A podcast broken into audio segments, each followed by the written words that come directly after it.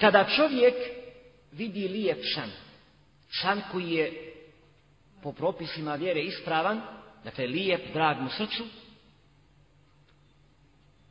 bitno je i važno je da ga ne priča svakome. Čak šta Ulema savjetuje da ga i ne priča onima koji ne znaju da ga tumače.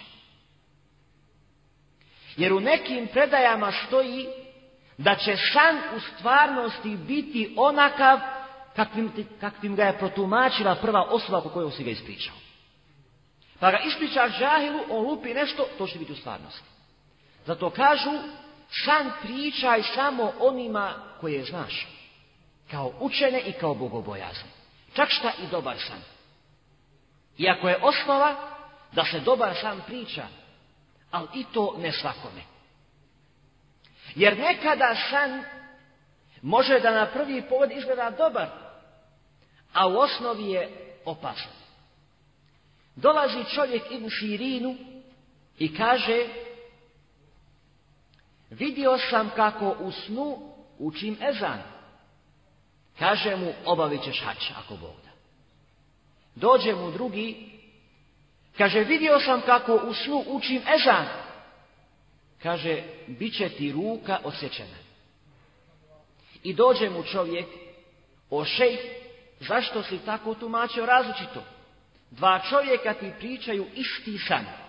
Jednom si rekao da će na hađako Bog da, a drugom da će biti ruka osjećena.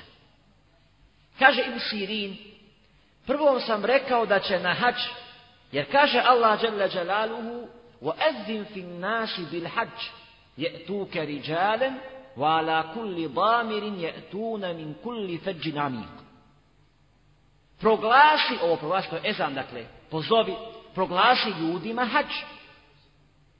taj čovjek koji mi je ispričao da je vidio ezan, vidio sam mu na licu znak mukmina znači da je za njega zaista ezan u pozitivnom smislu riječi a drugi koji mi je ispričao san Vidio sam na njemu na licu loš znak. Allah subhanahu wa ta'ala kaže fa ezzene mu ezzinun ejetuhe lairu A glasnik prozva o vi karavano vi ste ukrali nešto. U suri Jusuf kad govori u svoj braći. Znači bit će vam ruka osjećena. Dakle, Ibn Sirin kao najpoznatiji komentator e, snova nakon generacija ashaba radijallahu anhu. Tako je tumačio snove. Znači, šan ne može tumačiti svaku. Već onaj kog je Allah odabrao, koji je učen i koji je dakle bogobojačan. Zato se i lijep san ne smije svakome pričati. Zatim, koji su adabi kad su u pitanju lijepi snovi. Čovjek sanja lijepi snove. Prvo je da zahvali Allahu subhanahu wa ta'ala na lijepom snu. Sodno hadijskog bilježi ima muslim, gdje kaže poslanik sallallahu alaihi wa sallame, onaj ko vidi lijep san, neka zahvali Allahu i neka ga ispriča. Dakle, rekli smo kome, ga može ispričati? Onima koji su čestiti, ti koji ga znaju tumačiti. Zatim,